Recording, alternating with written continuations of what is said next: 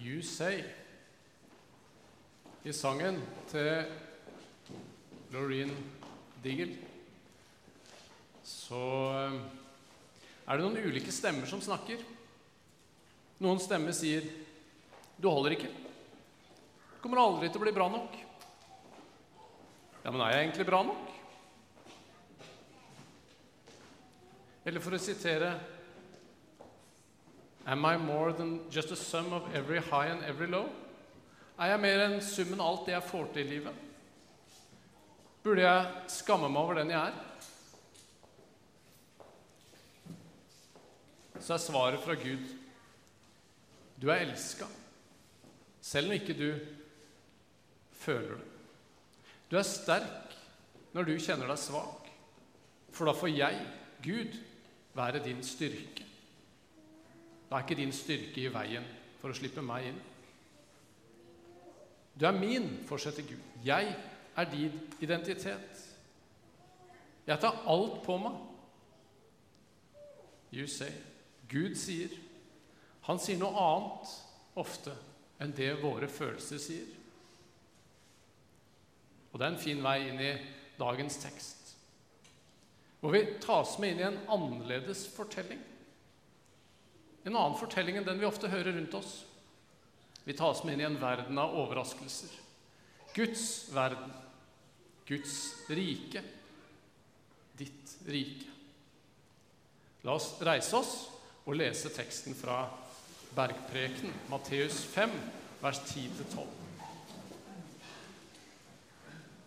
Salige er de som blir forfulgt for rettferdighets skyld, for himmelriket er deres. Ja, salige er dere når de for min skyld håner og forfølger dere, lyver og snakker ondt om dere på alle vis. Gled og fry dere, for stor er lønnen dere har i himmelen. Slik forfulgte de også profetene før dere. Hellige Far, hellige oss i sannheten, for ditt ord er sannhet.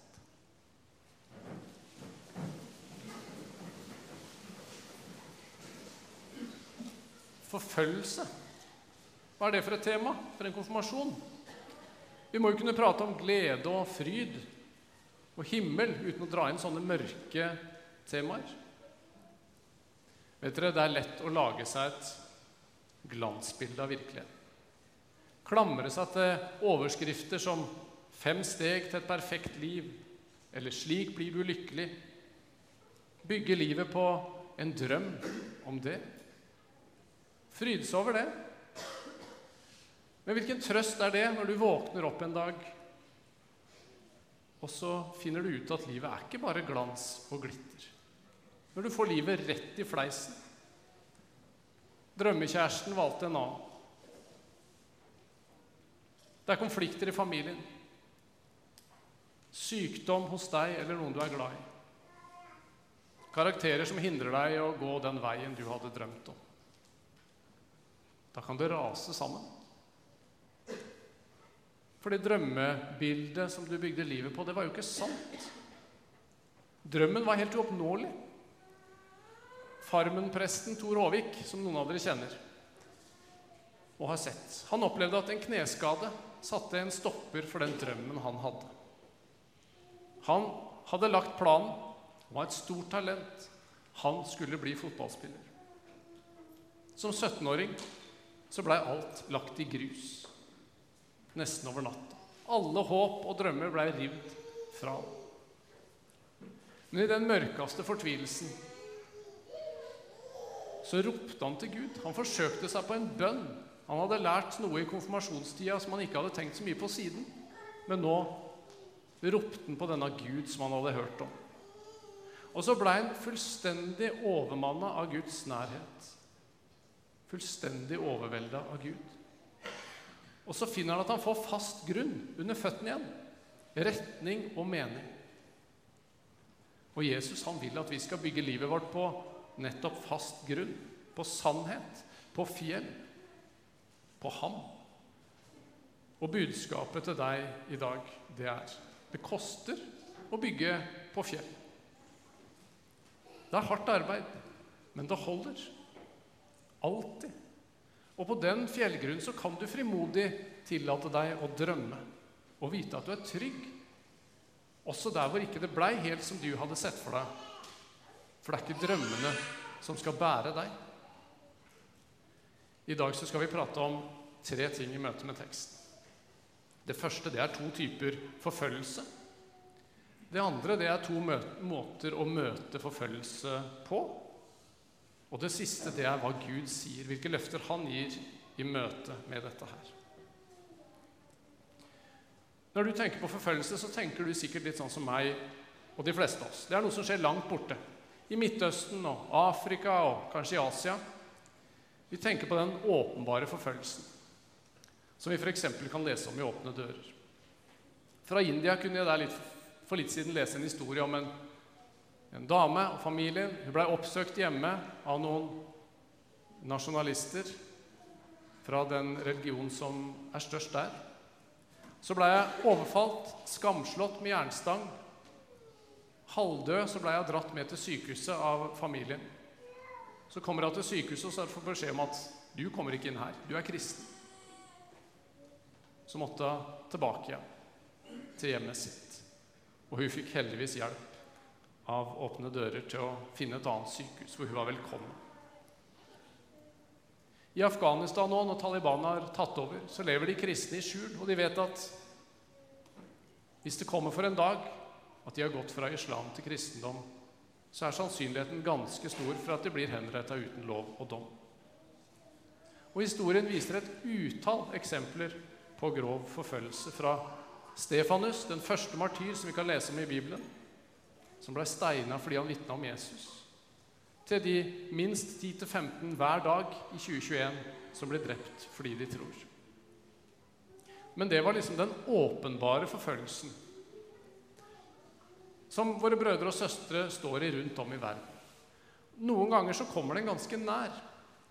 Hos våre venner i Delk i Bergen så er det en kristen bror fra Iran som ikke får asyl, og som nå skal sendes tilbake til sitt hjemland. Han er tidligere yrkesmilitær, konvertert fra islam. En helt bombesikker rute inn i fengsel og tortur i et av verdens verste regimer. Og han blir sendt tilbake på vår vakt i vårt land. Og andre i menigheten i Bergen lever med drapstrusler over seg og familien sin fordi de har konvertert.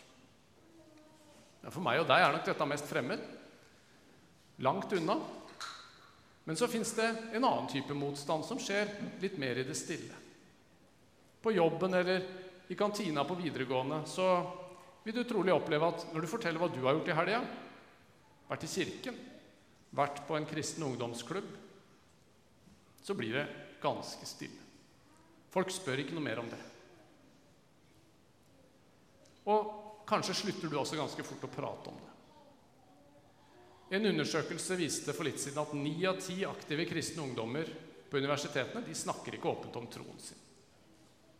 De har nok prøvd for mange ganger å finne ut at det falt til jorden. Og Hvis kristne er i media, så framstilles man ofte som trangsynte, uintelligente og mørke. For to år siden så, så dere han her i media.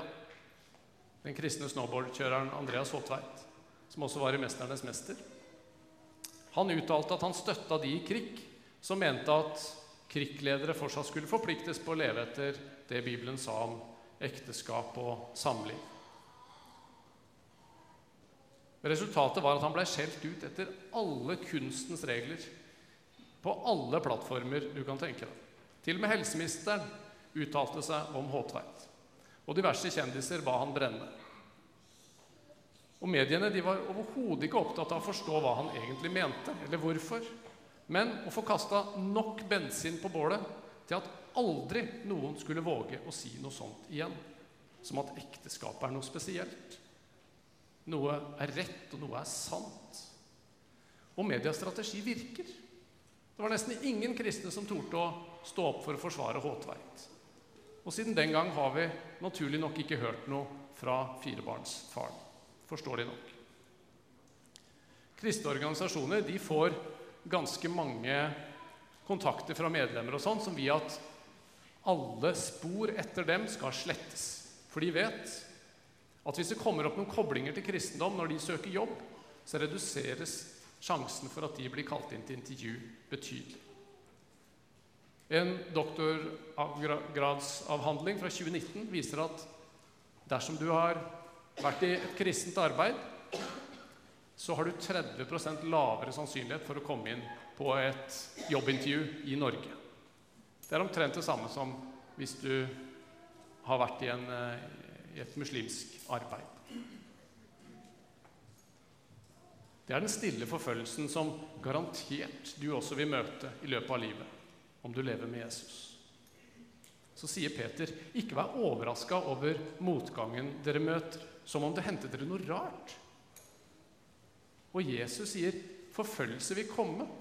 Lyset er kommet til verden, men menneskene elsket mørket høyere enn lyset, fordi deres gjerninger var onde.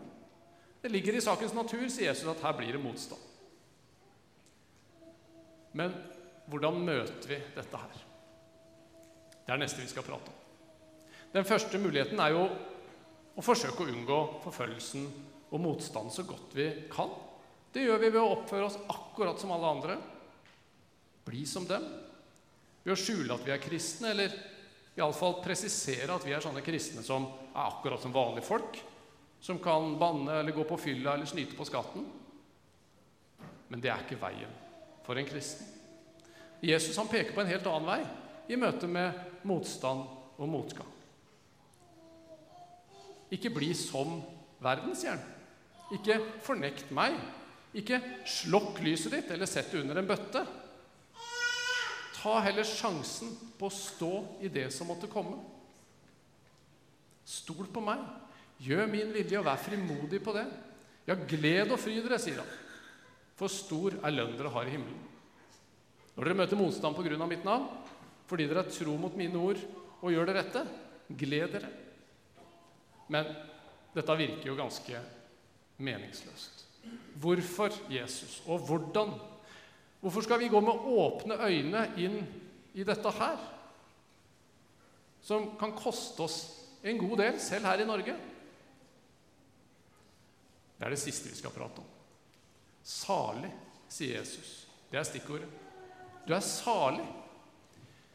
Og det er å være lykkelig og heldig i evighetens perspektiv. Jeg kan jo si at jeg er lykkelig, jeg jubler. Kanskje Westham har knust Liverpool, og jeg er helt der.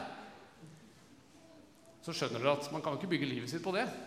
Da kan jeg bare juble en gang hvert 20-30 år. Men selv når den følelsen kommer, så er det ikke mer enn neste morgen. Så våkner jeg opp med en dårlig følelse fordi det er et eller annet som jeg har av bekymringer. Og så er den følelsen borte. Lykken har tatt slutt. Å være salig det er en tilstand som ikke stopper fordi jeg har en dårlig dag. Det er noe som er sant, uavhengig av mine følelser. Den som er salig, han er i en lykkelig, evig tilstand. Himmelsk lykke. Og når dere sitter her nå, kjære konfirmanter, kledd i hvitt, så skal det minne oss om nettopp det. Under så har vi ulike klær og ulike forutsetninger og forventninger. Ulike evner, ulike egenskaper. Sliter med ulike synder eller ulik skam. Men så eier dere den samme saligheten. For 2000 år siden så vant Jesus frelsen. Han sona all synd og åpna veien inn til Gud. Og så har dere fått rakt dette her over som en gave i dåpen til dere. Og den gaven er virkelig din i troen på Jesus. Dere er rene, dere har fått syndenes forlatelse og tilgivelse gjennom det Jesus har gjort. Dere har blitt reist opp til et nytt liv hvor døden er beseira. Dere er hvite i møte med Gud. Og etterpå under konfirmasjonshandlingen så skal dere få lov å si ja. Disse fantastiske gavene som jeg fikk i dåpen, de vil jeg fortsatt leve i. Livet i dåpen det er et liv nær Jesus, i oppgjør med synd og alt det som drar oss vekk fra ham. Og et liv hvor du overøses med tilgivelse, og du har din verdighet i ham. Du trenger ikke skamme deg. Dere er salige. Gled og fry dere dere eier nå himmelen. Og himmelen er ikke bare noe som venter der framme, til liksom å lide oss gjennom, og så får vi en belønning til slutt. Himmelen, den har kommet nær til dere her og nå, sier Jesus. Himmelriket har kommet nær, proklamerer Jesus når han står fram for disiplene sine. Og det kan vi også si, for Jesus, der han er, der er himmelriket. Og Jesus, han bor i deg som tror. Og når du lever etter denne sannheten, overfor dine medelever, dine venner og de du møter på din livsvei Når du lever som om dere alle er en del av et nytt rike, hvor kjærligheten får råde i sannhet, ja, da er du med på å virkeliggjøre himmelriket her og nå. Da får du være et lys i mørket. Og du kan gjøre de små tinga der du er satt, i møte med de du treffer på. For Jesus har tatt din sak. Det er ordna opp. Du kan møte andre med ditt blikk. Kjære konfirmanter. Gud har gitt dere fast grunn å leve på, og en evig framtid. Og I møte med dette fantastiske budskapet så kan Jesus og seinere apostelen Paulus og Peter og Johannes og millioner av andre de kan vitne om jubel og glede midt i møte med motgang. De fikk se at de eier en skatt som ingen kan ta fra dem. Det er grunn til å feire i dag og alle dager. Og det er grunn til å leve nær Jesus, den eneste veien til evig glede. For Jesus han vil være din herre både når du opplever stor suksess, når drømmene går i oppfyllelse. Og det er medvind. Og Jesus han vil være din herre når planene faller i grus. Alt ser mørkt ut. Vi har lest litt i Salmenes bok gjennom konfirmasjonsåret og sett hvordan David han kommer med alle følelsene sine til Gud. Sinne, frustrasjon, fortvilelse og lykke. Sånn vil Gud ha det. Og Paulus han fikk oppleve både motstand og medvind, og han snakker til oss til slutt i dag i Romerne 8.